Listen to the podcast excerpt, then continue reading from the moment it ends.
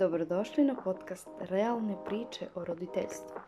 Moje ime je Anita Marković i pričam sa vama o roditeljstvu realno i iskreno.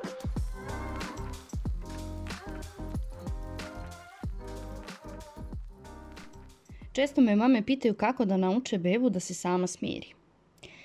Sada ćemo malo da razradimo taj koncept, zapravo samo smirivanje, šta to znači, šta je samoregulacija i da li su bebe uopšte sposobne za to i kako će one naučiti da se same smire. Krenemo sa tim nekim uverenjima. Uh, beba mora da nauči sama da se uspava, da se sama smiri, da sama jede, da sama hode, da sama priča, mnogo pre nego što je ona za to spremna. Sva ta uverenja zapravo uh, su nam nametnuta od drugih i veštački su napravljena i nemaju veze realno sa razvojem beba, sa njihovim sposobnostima, sa njihovim potrebama, sa mogućnostima koje imaju zapravo i generalno je kod nas taj trend da, da žurimo da se što pre dete osamostali, da, da mu što pre ne, nismo potrebni. A ne shvatamo da, da smo mi detetu potrebni i da je to prosto tako, priroda je, biološki smo mi, odnosno dete je vezano za nas i zavisno je od nas i iz te zavisnosti zapravo se razvija jedno nezavisno, samostalno, samostalna osoba zapravo, ali ne možemo to da veštački da proizvedemo tu samostalnost i nezavisnost. E, I zašto, uopšte, zašto nam je uopšte toliko bitno da, da nam dete što pre bude samostalno? Zašto je bitno da, da se beba što pre samo uspavljuje? Da li je to onda neki kao naš trofej? Da li smo onda mi bolji roditelji ako... Uh, da li sam ja bolja majka ako se moja beba uspavljuje sama, ne znam, sa tri meseca, a druga mama je gora od mene ako njeno dete od tri godine spava sa njom u krevetu. Da se razumemo, moje mišljenje je takvo da nisam bolja mama ako se moja beba uspavljuje sama sa tri meseca. Nisam bolja mama od mame koja spava sa svojim detetom u krevetu. Jer nema sad tu kategorije, nema tu ja sam bolja, ti si gora, ja sam gora, ti si bolja. Tvoje dete je bolje i naprednije ako, ne znam, jede kašikom sa 11 meseci, a moje od 18 je još uvek uh, nespretno sa kašikom. Jer svako ima svoj tempo i svako treba da ima priliku, svako dete treba da ima priliku da vežba svoju samostalnost svojim tempom. Da krenemo od toga šta je samo smirivanje, odnosno samoregulacija.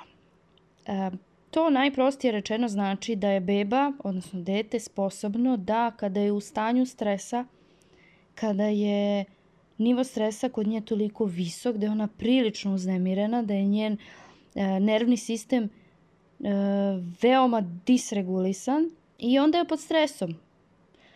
Isfrustrirana, anksiozna, uznemirena, nije u onom stanju smirenosti. Da li mislite da, da je beba sposobna, da kada je tako to, toliko uznemirena, plače, vrišti, uh, već neko vreme plače, sve jače i jače i onda dođe do um, taj plač eskalira i da toliko beba plače da, da ono kreće, da, da grca, da se guši u suzama.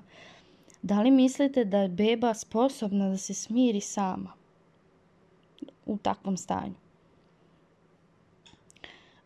Sasvim logično, onako nekako kad malo bolje razmislimo i zagledamo se onako u sebe, shvatamo i znamo da, da to nije baš realno očekivanje. Uh, a i naučno zapravo nauka nam govori i raz, istraživanja koja, se, koja su u poslednje vreme dosta rade na temu uh, ranog razvoja i razvoja dečijeg mozga i emocionalne regulacije, sve nam to govori da bebe nisu sposobne da se same smire kada su pod stresom.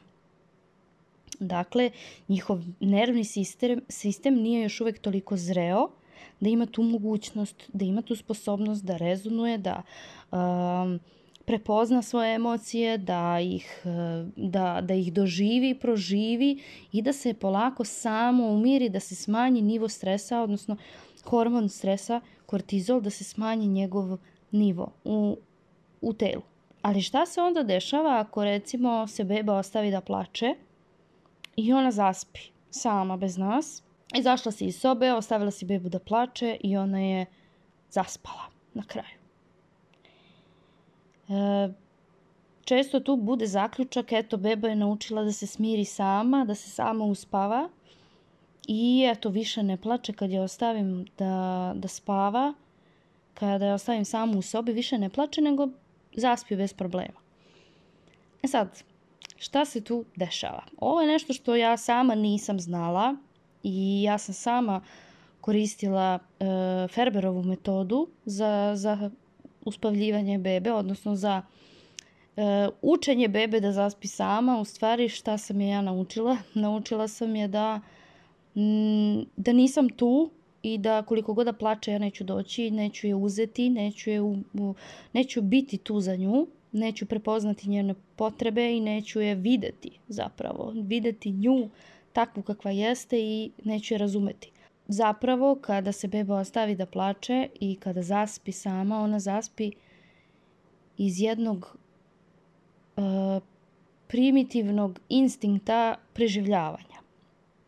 Jer mozak koji je preplavljen stresom, celo telo, nervni sistem je preplavljen stresom, tada kada je beba uznemirena i plače sama, dakle pričamo o tome kada beba plače sama u prostoriji, kada nema nikog pored nje da joj pomogne da se smiri i zbog toga se ceo sistem gasi.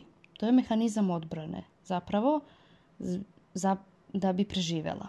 U stvari mozak mora da se isključi da bi preživeo i tako se beba prestaje sa plačem i zaspi. Od iscrpljenosti, od umora, odustane od plakanja uh, i onda kada shvati da, da niko neće doći, ona prestaje i da plače polako, postepeno ona smanjuje taj plač i prestaje i da plače zato što shvata da e, neće niko biti tu i onda ne želi telo, prosto mozak zna to i mozak neće da troši energiju na, na plač zato što želi da se, saču, da se spasi, da preživi zapravo. Ova informacija može da bude vrlo bolna ako, ako ste primenjivali trening spavanja kao ja i meni je bila bolna dugo, dugo. Uh, prvo, prvo sam zapravo nisam ni shvatala to, sve to, pa sam krenula da učim o tome i kada sam uh, dobila ove informacije, prvo sam valjda ignorisala, onda sam bila ljuta na sebe, izjedala me krivica, griža savesti, i tako dalje. A onda sam morala da radim na tome da oprostim sebi to što nisam znala i da vidim kako sada šta dalje da radim i kako dalje da popravim zapravo tu štetu, da steknem ponovo njeno poverenje. Ali o tome nekom drugom prilikom.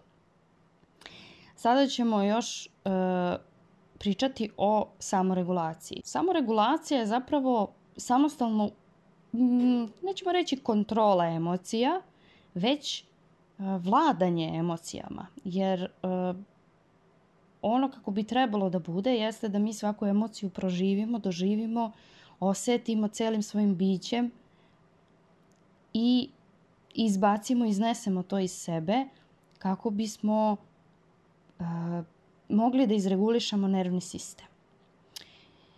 Ako se bebe puste da same to rade, one neće naučiti zapravo da, da, da se same regulišu, već kao što sam rekla odustaju. I iz tog razloga da bi one naučile da se same smire kada odrastu dovoljno, kada njihov mozak koji još uvek nije e, kompletno razvijen, jer e, mozak se razvija sve do sada se već govori o nekim 28. godini, zapravo da se ra mozak razvija sve do, do skoro bilo do 25. Međutim, najnovija istraživanja kažu do 28. godine se mozak razvija. Međutim, e, nikad nije kasno za neke promene, zapravo mi u kasnim, kasnom dobu možemo da, da menjamo uh, neke, neke stvari, ali kod beba zapravo, beba kad se tek rodi, ona ima četvrtinu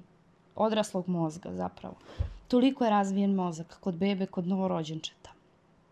I tek od prve godine kreće veći razvoj i tek negde oko uh, između treće i pete godine se razvija oko 75% mozga.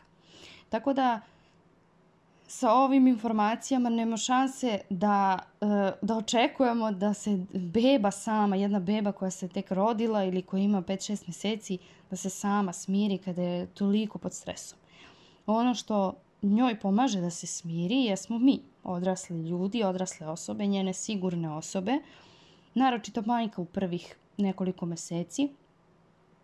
A kako mi pomažemo bebi da se smiri? Tako što smo pored nje i budemo, a, pozajmljujemo joj svoju smirenost a, da našim zrelim centralnim nervnim, sistem, nervnim sistemom pomognemo nezrelom nervnom sistemu bebe da se izreguliše.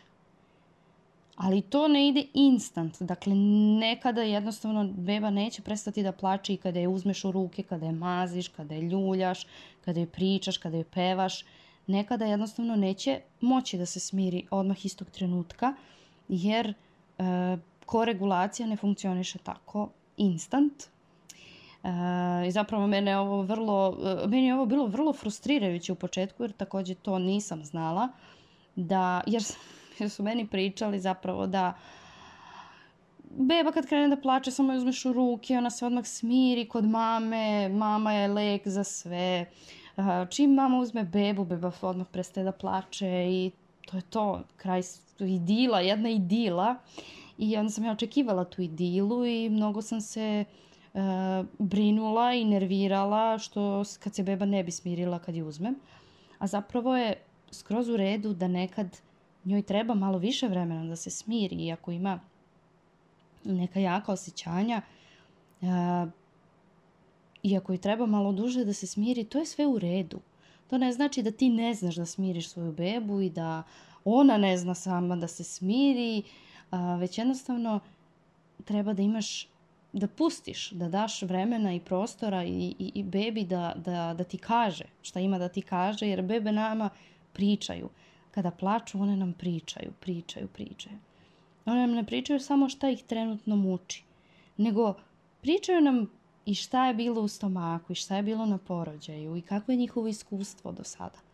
Jer beba ima svoje iskustvo, ima svest o tome, e, ima sećanje zapravo o tome kako je bilo u stomaku, kako je bilo dok se rađala, dok je izlazila iz, iz stomaka i ona nama priča priču.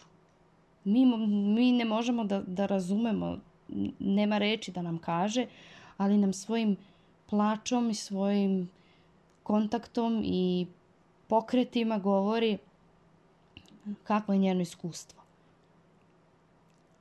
U takvim trenucima je ključno da budemo smireni, da saslušamo šta ima beba da nam kaže priznajem, meni to nije bilo lako uopšte i, i sada imam, imam izazove sa tim, kad su mi devojčice starije, imaju četiri i dve godine, uh, i sada imam izazove sa time kada, kada nisam sigurna šta im je i kada takođe mogu da mi kažu toliko toga rečima, opet ne mogu uvek da znam šta im je i ne mogu uvek da uh, odgovorim na, na način na koji bi one želele, na koji mi je njima potrebno. Tako da ja i dalje učim da, da budem da, da, da budem blaga prema sebi tada, da ne krivim sebe što nisam znala šta, šta žele, šta im je potrebno, što nisam znala bolje da odreagujem, što nisam znala bolje da se ponašam. A, a kamoli kada tek dobijaš bebu, kada je tek rodiš i kada, uh, kada se tek upoznajete i ti upoznaješ sebe kao majku, upoznaješ jedno novo ljudsko biće i to je vrlo zapravo je vrlo izazovno svima i potpuno je normalno da nećeš uvek znati šta je tvoj bebi, da nećeš uvek moći odmah da je smiriš. Zato je najbitnije imati strpljenje i razumevanja i shvatiti da bebe zaista nisu, tako su dizajnirane da ne mogu da se smire same. Trebamo i mi, treba nam naš mir da bi mogle one da se smire. Kada mi nismo u miru, onda beba to oseti i ne može ni ona da se smiri jer nema odakle da izvuče a, smirenost koja je potrebna. Njoj treba prostor koji ćemo joj mi dati da, da ispolji sve svoje emocije i da je mi prihvatimo sa svim tim što ona, ona nosi. U početku uh, beba nemaju želje i zahteve, već sve su potrebe, isključivo potrebe i treba na njih odgovarati i treba ispuniti svaku potrebu. Kada se to radi, onda beba polako uči da se smiruje i sama, sve više i više će naučiti, će učiti da se sama smiruje i da sve manje i manje ćemo i biti potrebni. Ali da, hajde da ne žurimo sa time da smo, uh, da, da, ih, da se osamostale pre nego što su spremni za to. Kada ćemo moći da dođemo do toga da se dete samo smiruje i da sve bolje uh, prepoznaje svoje emocije, da sve bolje izrazi svoje emocije, da to ne bude vrištanjem, bacanjem na pod, udaranjem, grizanjem i slično. To možemo da očekujemo nakon treće godine. Sad to ne znači da ćemo da čekamo tri godine da se dete uspavljuje bez ljuljanja ili neke pretarane naše pomoći. To samo znači da treba da smanjimo svoje očekivanja od dece, naročito od beba, jer dok su još bebice, zaista ne možemo da očekujemo od njih baš ništa. baš ništa, mislim da ne, zapravo mislim da ne treba da očekujemo ni od dece i kad malo porastu, da ne očekujemo ništa osim da, da im pružimo bezuslovno prihvatanje. To je nešto na čemu i sama radim i onda e, sve više osvešćujem koliko je to bitno, koliko je bitno prihvatiti prvo sebe, da bismo mogli da prihvatimo i svoju decu i da zaista, evo, neka to bude zadatak na kraju ove epizode, da razmislite o tome koliko vi prihvatate svoje dete. Da li ste zaista, ali zaista prihvatili njegovo biće, njegovu ličnost, njegov temperament, njegove neke sitnice koje radi, način na koji radi nešto, način na koji priča, sedi, jede, uspavljuje se i tako dalje. I koliko to ima veze sa time da li ste prihvatili sebe? Da li možda ima nešto što ne volite kod svog deteta, a što vas podsjeća na vas? Možda je to nešto što ne volite kod sebe. Ja prva primećujem te stvari i, i osvešćujem ih, Tako da eto, to bi bilo e, za kraj ove epizode da malo razmislimo o tome koliko mi zaista prihvatamo svoje dete, koliko mi zaista dajemo bezuslovnu ljubav ili ipak imamo neke uslove, neka očekivanja i ipak naše prihvatanje zavisi od toga kako se dete ponaša, šta radi i kakvo je ono.